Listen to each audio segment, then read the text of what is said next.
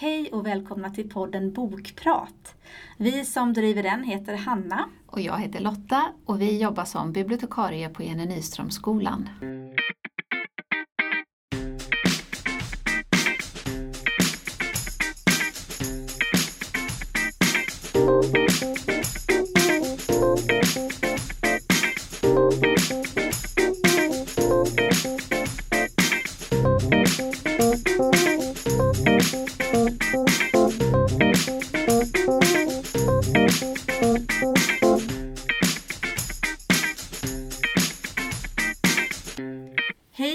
Välkomna tillbaka efter sportlovet. Hej, vad roligt! Vi hoppas att ni har haft det skönt. Verkligen. Och kanske hunnit läsa lite men också hunnit vara ute i ja, den snö som nu var kvar. Ja, inte så roligt, men vi får se. Idag ska vi prata om en bok som heter Den konserverade änkan av Helene Gullberg. Precis, och det är ju en eh, sanningsbaserad roman Ja, som utspelar sig på 1700-talet, eller hur Lotta? ja. Och vi har ju precis läst på här lite att författarinnan Helene Gullberg, det är hennes debutroman och hon kan ämnet. För nu arbetar hon som intendent på Kungliga slottet. Men hon har innan varit möbelspecialist på auktionsverk. Så att hon, hon har ju en, och det märks ju när man läser boken, att hon kan sitt ämne. Hon Precis. kan sitt eh, Stockholm 1700-tal och hon kan det här med möbler och skråväsen och så. Precis, för det här handlar just om en, det kretsar kring en möbel eh, tillverkare, en väldigt framstående möbeltillverkare i Stockholm på 1700-talet. Ja, Eh, som heter, var det Georg Haupt? Georg Haupt. Mm. Ja. Och han gifte sig då med en ung, han gifte om sig. Han har det två eller tre barn sedan sitt eh, tidiga äktenskap. Eh, hans fru dog tragiskt och han var väldigt hjärtekrossad över detta. Men ser väl att han behöver gifta om sig för sina barns skull och så. Eh, så han gifte om sig med en mycket, mycket yngre Sara. Och det är Saras berättelse det här egentligen kan man ju säga. Eh, Ja. I främst hennes eh, perspektiv som det berättas ur. Och den börjar ju lite spännande det här när Sara som ung, ung tjej, vad är hon, runt 20 kanske? Jag tror, Eller ännu jag tror hon är yngre? ännu yngre. Tror hon Ja. är bara 17-18 år. Ja, och då ska hon komma in i det här Hauptska hemmet, som ju redan är ett uppbyggt hem ju med mannen då, Georg, som är kanske dubbelt så gammal som hon är, och de tre döttrarna, tror jag det är. Mm. Och eh, där ska hon komma in med dels att få respekt från personalen och eh, sen bli styvmor. Så det, vilken, vilken grej för en Ja. ung tjej. Vilka öden, tänker man ju när Precis. man... Ja. För den här Sara, hon var ju en, en verklig person. Sen Ja. får man förstå att det här är en roman som är skriven som en roman så att det är ju säkert lite uppdiktat också. Men själva personerna, om man förstår rätt, eh, är ju baserade på verkliga människor. Ja. Ehm, Så det som händer här är att Sara får ta sig an den här uppgiften att bli en hustru i ett väldigt fint hem. Eh, För han är ju väldigt duktig och väldigt högt uppsatt. Han levererar ju möbler till hovet och sådär. Mm. Eh, Så han är ju en väldigt högt uppsatt satt, eh, möbelmakare. Eh, Men han dör ju, det vet man ju redan från början, att han dör några år framåt i tiden Ja. där. Och då har de hunnit få, är det två eller tre barn själva? Ja, två, tre två kanske? jag ja. kanske. Eller ja. Flickor återigen, så det är väl bara All- flickor. Ehm, och då får man ju följa hur hon försöker driva och gör det ju med... Ja, hon är ju duktig. Hon lär sig ju från den här lite bortkomna 17-åriga flickan Mm. så blir ju hon en, en entreprenör kan man ju nästan säga. Ja. Hon hittar ju verkligen de här listiga vägarna för att ta sig fram och fortsätta vara, driva det här Hauptska hemmet utan för hon är ju, det, det första skråväsendet vill det är ju att hon ska gifta om sig. För det är viktigt att ha en mästare på plats. Precis. Och det, för den som inte vet vad skrå är, så är ju det eh, ett yrke. Man kallade det för skrå på 1700-talet, eller jag vet inte hur långt fram i tiden man gjorde det, men eh, snickeriet eller möbelsnickeriet var ju ett skrå. Och så fanns det andra skrå. Och då var det olika regler som gällde för olika skrå. Eh, Och det var ju ganska tajta regler, Verkligen. hur många som får vara mästare, vilka som får vara gesäller, hur, eh, priser och efterfråga och styr. Precis. Alltså, det var ju väldigt styrt. Så att det inte skulle finnas för många utan man var tvungen att gå en viss lära för att kunna bli snickarmästare till exempel. Och då var man tvungen att bli godkänd av ett visst, eh, ja, en slags eh, styrelse kanske man kan säga, eh, som fick godkänna och sådär. Så det var väldigt reglerat eh, så att det inte skulle bli för många helt enkelt. Men det som är lite spännande med den här boken det är ju att kvinnor under den här tiden var ju inte själva myndiga. Det enda sättet för en kvinna att vara myndig, det var ju att bli änka. Mm. Då, då finns det liksom ett litet utrymme att fungera i samhället som sin egen person. Precis. Och det fattar ju Sara. Ja. Så hon bestämmer sig ändå för att fortsätta att driva det här. Men hon stöter ju på massa bekymmer Mm. Ja. såklart. Och det finns en press på henne att hon borde gifta om sig. Och då borde hon gifta om sig med en så kallad gesäll. Alltså någon som har gått i lära hos hennes man. Eh, Så. Eh, Och det finns det två gesäller som är tänkbara och den ena är ju då förstår man en väldigt otrevlig person och den andra är en väldigt sympatisk person. Petter och Gustav. Petter och Gustav. eh, Ska vi prata lite om karaktärerna? För där Ja. hade ju du och jag kanske lite att vi tycker att det är lite Alltså de, de, de blir lite platta, de är så Mm. tydliga i sina beskrivningar om gott och ont och Det är verkligen inte så, jag tycker inte kanske de är så trovärdiga. Nej. Just för att det känns som att, ja men Petter i det här fallet, han är ju den som är elak. Och han är inte så mycket annat än elak. Han- Det är liksom det hans funktion i boken. Medan Gustav är den som är snäll, duktig, omtänksam. Liksom, eh, Snygg. Ja, tre, alltså han är trevlig på alla sätt Ja. så att säga. Ehm, och det uppstår ju tycke mellan honom och eh, Sara. Men ändå så är det som att, ja, för en annan tycker man att det är så självklart, ja men om du nu måste gifta dig så gifta dig med den där Gustav då för han är ju trevlig. Eh, men det är som att det liksom knölas till lite problem som man inte riktigt Ja. förstår.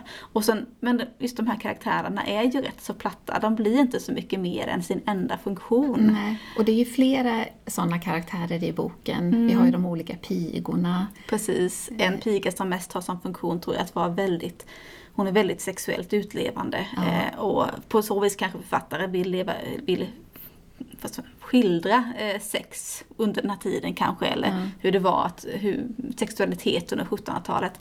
Och det var väl det lite grann vi fick känslan av att författaren vill väldigt mycket med den här boken. Mm. Hon vill ha in Ja men sexualitet, hon vill ha in det här med skråverksamhet och hon vill ha in kvinnan och hon vill ha in homosexualitet och hon vill ha in väldigt mycket och det kan kännas lite som att hon inte lyckas fullt ut med någonting. på Nej, grund av man hade kunnat skala lite där Ja. tror jag och sen trängt in lite djupare i några karaktärer och några ämnen och gjort dem mera Mm. Precis. levande. För det som är bra i boken är ju de historiska detaljerna. Hon kan ju jättemycket om 1700-talet och Stockholm och hur det var att leva då. Och just om möbler, det är ju väldigt trovärdigt beskrivet. Ja. Jag tycker om de här detaljerna som att Ja men att det hade varit mycket bränder i Stockholm så nu fanns det brandvakter som gick runt på nätterna och ropade ut att jo men allt är okej, ungefär så, allt är bra. Eh, och det kunde ju vara lite irriterande för människor som vaknade, de ställde någon, stod någon och skrek utanför fönstret att allt är bra och sådär. Men sådana där små, små detaljer kommer ju fram väldigt bra i boken och det Ja. gillade jag. Jo, det här lite dofter och miljöerna i Stockholm och också de här kungliga audienserna som de går på är också lite spännande att få liksom följa att man klädde upp sig och de kom med sina peruker och pudrade Ja. och luktade ändå skunk. Precis. Eh, ja. Men det som vi tyckte var lite sämre med boken är ju då själva karaktärerna och att berättelsen kanske känns lite... Den kanske passar bättre för en yngre målgrupp ja, egentligen. ja, precis. Ja, läs den men, men Mm. och, och ta fasta på de här liksom roliga bitarna med och Precis. det här intressanta med beskrivningarna och så, så får man kanske Och jag skulle vilja säga att är du en lite mer läsvan läsare, kanske lite äldre, eh, så kanske det här inte är den boken som du kommer att tycka bäst om. Nej. Men jag tänker att som en lite yngre läsare som gillar den historiska kontexten så tror jag att man kan tycka om den här boken. Precis. Jag tror att jag kanske hade tyckt om den rätt så mycket för 20 år sedan. Ja, ja men så är det nog. Ja, man, har, man är lite olika i sin Ja, läsning på något sätt. helt klart. Ja, ja. Mm. Men en spännande debut. Får se vad hon hittar på nästa gång. Japp. Då ska vi se, då ska vi fortsätta med en ungdomsbok som du har läst. Precis, eh, och det här är också Sverige och, och, som också belyser en del av Sveriges historia kanske man kan säga. Ehm, den här, den jag har läst, den heter Himlabrand eh, av Moa Backe Åstott. Det är också en debut. Eh, och det här handlar om, här befinner vi oss utanför Jokkmokk någonstans, alltså långt upp i norra Sverige. Och det är handlar om en kille som heter Ante som är same. Och vi befinner oss i i stort sett helt och hållet den samiska eh, kulturen och det samiska samhället. Och Antes föräldrar de har ju varit renskötare, alltså alltid, och hans förfäder har varit renskötare och sådär. Så de är en väldigt eh, traditionell familj kanske man kan säga på så vis. Um, och eh, Ante är själv väldigt förtjust i livet. Han gillar det här att sköta om renarna och han tycker om att ja, men gå ut på kvällarna och se och bevaka kalvning och sånt där. Alltså han tycker verkligen om det. Han trivs i det livet. Eh, men han går ju och bär på känslor som han inte vet om de kommer accepteras av det samiska samhället. Och det är att han känner ju mer och mer eh, alltså han är kär, ordentligt kär i en av sina bästa kompisar, Erik. Och Erik är inte same eller? Jo. Jo, han är det också. Eh, ja. Det är han, eh, åtminstone vad jag vet vad det framstod, men det tror jag nog han är. Eh, han är, de har känt varandra sedan de var barn. Eh, är väl någon lite sådär eh, familj som de lite grann umgås med och delvis också jobbar med. Ehm, de går i samma skola och så finns det ett par andra killkompisar också, Mattu och Johan, eh, som, de, um, som eh, Ante umgås med. Men Mattu och Johan är lite mer de här buffliga tonårskillarna som mest tänker bara på vilken tjej de ska stöta på och, och vill mest gå och festa och sådär. Eh, medan Erik och Ante är båda lite mer, kanske lite mer seriösa, de tänker på att de ska gå i skolan och sådär är måna om sina betyg och ja, men lite mer mogna kanske man kan säga.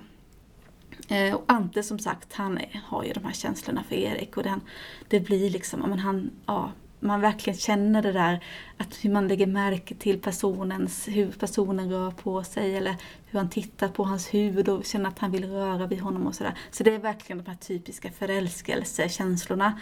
Eh, men som sagt, Ante vet ju inte dels, eh, så är han väldigt osäker på överhuvudtaget, finns det en sån annan renskötare som är homosexuell? Så han, det är så osynligt, tycker han, i deras kultur. Så han känner sig väldigt ensam i det. Eh, sen är han också rätt så osäker på Erik, eh, för Erik ibland ger sken av att han kanske tycker om Ante. Alltså det finns någonstans, uppstår små situationer då man känner det som att Erik ser på Ante på ett annat sätt. Men samtidigt har Erik en flickvän. Eh, och de är väldigt så öppna med, och liksom, med gulligulliga och eh, pussbilder på Instagram och sådär. Eh, så att eh, Ante blir, han plågar sig verkligen detta. Alltså han uh, avskyr detta. Eh, och är ju väldigt olycklig eh, i det. Eh, men samtidigt så finns det då de här små situationerna som uppstår när han och Erik liksom connectar på något vis. Så det, man, man, som läsare vet man inte riktigt heller var man har Erik någonstans. Är det så att de, han gillar Ante också eller är det bara ja, någon slags vänskaplig, alltså att han tycker om honom eller som en kompis? Man vet inte riktigt. Och det får man inte reda på heller? Jo, det, det får, man faktiskt, ja. det får man faktiskt reda ja. på. Eh, man får reda på hur det ligger till, absolut. Och man anar väl mer och mer hur det ligger till, mm. allt eftersom boken går. Men, Men du berättade innan att den är spännande just det här om man inte kan så mycket om den samiska kulturen och eh, sättet ja. att leva. Eh, för det här är ju, om man tänker som en, en de flesta ungdomsböcker som skrivs i Sverige, de utgår ju från ja, men den svenska vardagen, eh, skola, alltså så, sånt man tar för givet som kläder och hur man bor och lever och jobb och sådär. Men här utgår det verkligen från den samiska vardagen. Eh, så här är det ja, men den jobbvardagen som gäller. Och likadant, alltså kan handla om kläder eller allt möjligt. Det är till exempel ett bröllop i boken. Och då klär man upp sig och då har de flesta samer sin kolt på sig. Och det är som en slags traditionell dräkt som är inom den samiska eh, kulturen eh, som är väldigt färggrann och jag tror att man kanske har olika färger beroende på var man kommer ifrån. Eh, och det pratas också lite grann om att en del mixtra med lite nyare typer av kolt, att det kan finnas barn som går i prinsesskolt och sånt där. Och då är det, ja men är det verkligen, alltså visst får man vara ny, modern och så, men det måste ju finnas en gräns. Och, alltså det, sånt där. Men i alla fall så, Ante berättar ju själv om då sin kolt som han har på sig Eh, och man förstår att det ligger väldigt mycket i den här typen av klädsel. Mycket identitet, mycket historia. Och det tycker jag är väldigt kul att man får med i den här boken. Eh, för en annan, jag ska inte säga parallell, för den, den är liksom invävd. Men ett annan, en annan tråd i boken är att Ante, av en slump så kommer han över en bok som är från början av 1900-talet. Och den handlar just om den här det här rasbiologiska avsnittet i svensk historia. Eh, där man så att säga forskade inom citationstecken eh, på olika raser och då menade man att den svenska rasen var mer eh, överlägsen och den samiska rasen var underlägsen. Och så gjorde man olika studier på hur ser den typiska samen ut och alltså hemska saker gjorde mm. man verkligen. Man eh, objektifierade och ja, behandlade den samiska befolkningen väldigt, väldigt illa. Och det är ett sånt där mörkt kapitel i svensk historia som många kanske inte känner till så mycket om. Men så jag drar det om... fram politiken också, som nutidspolitiken med eh, samer och... Eh, inte jättemycket, nej. nej. Eh, utan det är mer det historiska och mer det här Ja men till exempel hur det här bröllopet som äger rum, att det äger rum i Svenska kyrkan, vilket man tycker då är lite konstigt. Alltså Erik tror jag det är som berättar om det, att Svenska kyrkan då tvingade samerna vid ett tillfälle att överge sin eget språk och sitt eget, att man, det är ju ett slags övergrepp som ändå har begåtts fast för länge sedan. Och då kan det upplevas lite konstigt att man idag gifter sig i Svenska kyrkan som same. Alltså det är lite sådana där saker som man skulle kunna diskutera. Mm. Um, men det här att den delen finns med i boken uh, tror jag kan vara bra för att dels är ju det någonting som man, tänker jag, som same tampas med sin identitet och relationen till ja, till exempel Svenska kyrkan eller andra ja, men lite vilken värld man ska leva ja. i. Kan man ha kvar det här traditionella och ändå leva som modernt eller om man ska mm, säga. Hur, hur, får man ihop Mm. Och, och särskilt som ung kanske det är liksom, ja. Ja, identitetssökande. Och samtidigt tänker jag de som inte är samer som läser den här får ju en inblick i mm. de här delarna som man kanske inte är så insatt i. Um, så att uh, jag gillar verkligen den delen av boken. Um, och den här boken som Ante då kommer i kontakt med eh, den blir väldigt viktig för honom. Alltså det blir ja, men det väcker massa tankar och känslor när han ser den här boken eh, och tittar i den. Eh, så det är också liksom en tråd i boken kan man väl säga. Eh, men jag tycker att den är väldigt, den är inte särskilt lång, den ligger på kanske en knappt 200 sidor. Ja, lite, ja men lite drygt, bara 202-203 sidor. Eh, och den är rätt så lättläst. Det är bara Antes perspektiv hela tiden och det är inte massa hopp i tiden. Eh, så den är lättläst. Eh, och det finns en sån här dragning i den, man vill ju veta. Man vill veta men kommer han att våga berätta för någon om sin sexuella läggning? Eh, kommer han våga bli öppen med det? Eh, Kommer han, hur kommer den här relationen till Erik att utveckla sig? Och, eh, relationen till föräldrarna och alltså det är mycket som ändå man får en känsla av det i början och hur ska det bli? Så att eh, jag tyckte verkligen om den. Jag tyckte den var bra. Bra ungdomsbok. Ska vi ta en sista också? Vi har ju en sista med oss också. Vad tycker du? Precis. Eh, vi har ju båda läst Bärarna av Jessica Schiffauer hon är ju egentligen en, eh, hon skriver ju ofta för ungdomar, mm. eller har bara gjort innan. Det här är hennes debutbok som en vuxenroman. Precis, och den är väldigt aktuell för den handlar ju om, alltså det här är framtiden. Inte, vet inte exakt när, hur långt in i framtiden, men det har varit någon typ av smitta, eh, alltså pandemi över hela världen, som har varit, om jag förstår saken rätt, så har det varit män som har varit smittspridare spridare, där det är liksom de som har haft burit på smittan. Och kvinnor har ju då inte spridit smittan. Så det har lett till ett uppdelat samhälle mm. där män och kvinnor lever separat. Och det är egentligen kvinnorna som styr världen och männen får bo på vissa områden och nästan lite grann som ett fängelse men ändå inte riktigt. För att inte sprida smittan vidare. Ja, och deras enda uppgift är ju nu att vara barnalstrare, ska man ja. säga så? Det är ju funktionen som de här spridarna, alltså männen, mm. har i det här samhället. Precis. Och man får följa två stycken eh, ganska unga kvinnor, eller vad tror du? Ja, men kan de vara sådär i 25-30 års ålder kanske, ja. eller något sånt där. Eh, det är Nicky och Simone och de lever ju i en relation då. Ehm, och Simone börjar få tankar på att hon vill ha ett barn. Nicky vet inte riktigt men Simone vill och hon blir nästan besatt av den tanken så att de försöker. Men det går inte. Hon blir inte gravid. Och det märker man ju i hela det här samhället att, att, att föda barn är upphöjt därför befolkningen är ju, sjunker Mm. hela tiden. Så att gravida kvinnor upphöjs ju till skyarna. Och man kallar det ju för, är det livssäck de säger? Livsäck, ja. Livsäck är det Precis. kanske. Ja. Istället för livmoder så Ja, säger man nu livsäck. livsäck. Så det är väldigt mycket i språket som är präglat av den här nya världsordningen kanske Ja. man kan säga. Och det här, det känns inte heller, det är ju inte de här traditionella familjerna, det säger sig ju själv, Mm. men det känns ju också som barn som föds och hela samhället är ett kollektivt Mm. eh, liksom uppbyggt samhälle med matriarkat. Och, och i början låter det ju väldigt, man, man får ju ganska positiva känslor där tycker jag av en stark vi-samhörighet och så. Men ju längre boken går, desto mer förstår man ju, här finns ju problem i det Precis. här. Ja.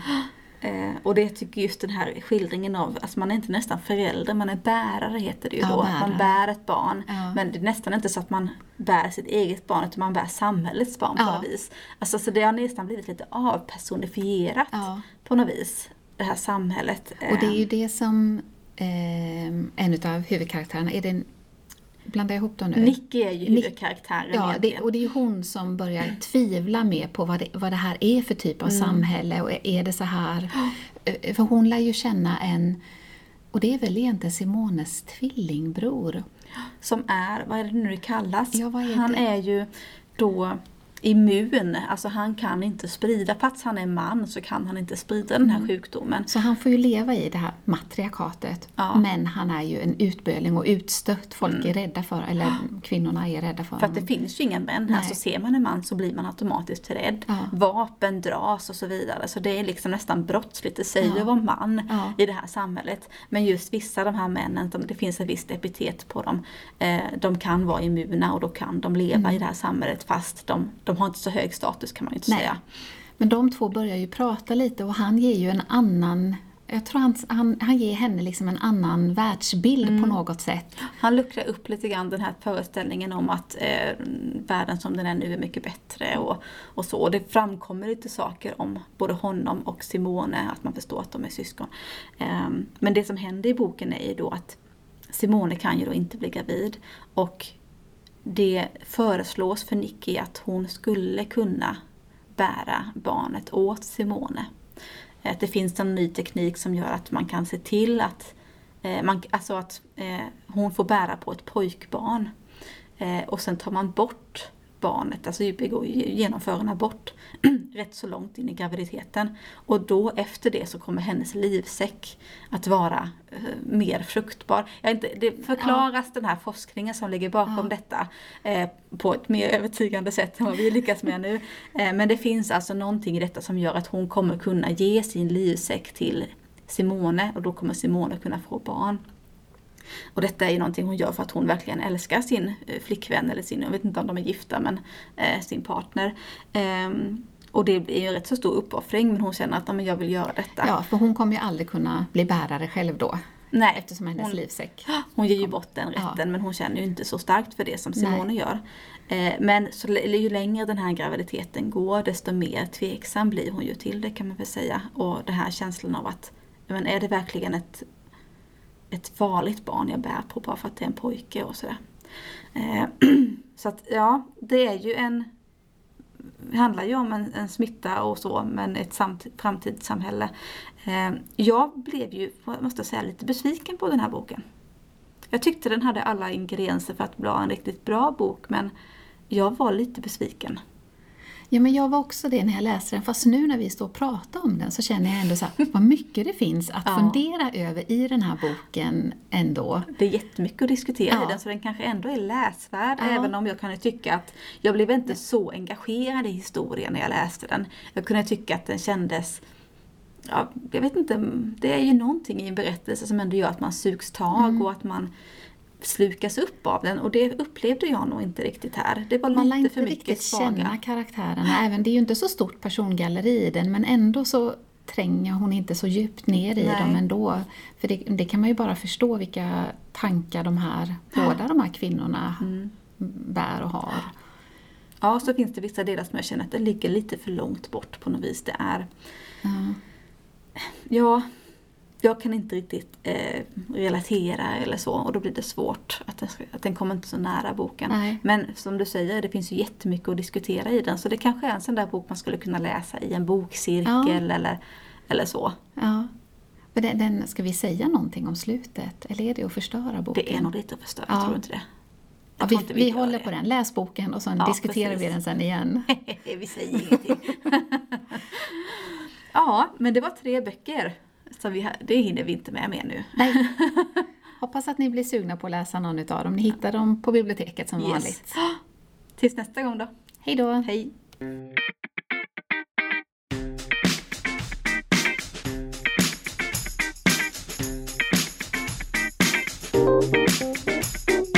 Thank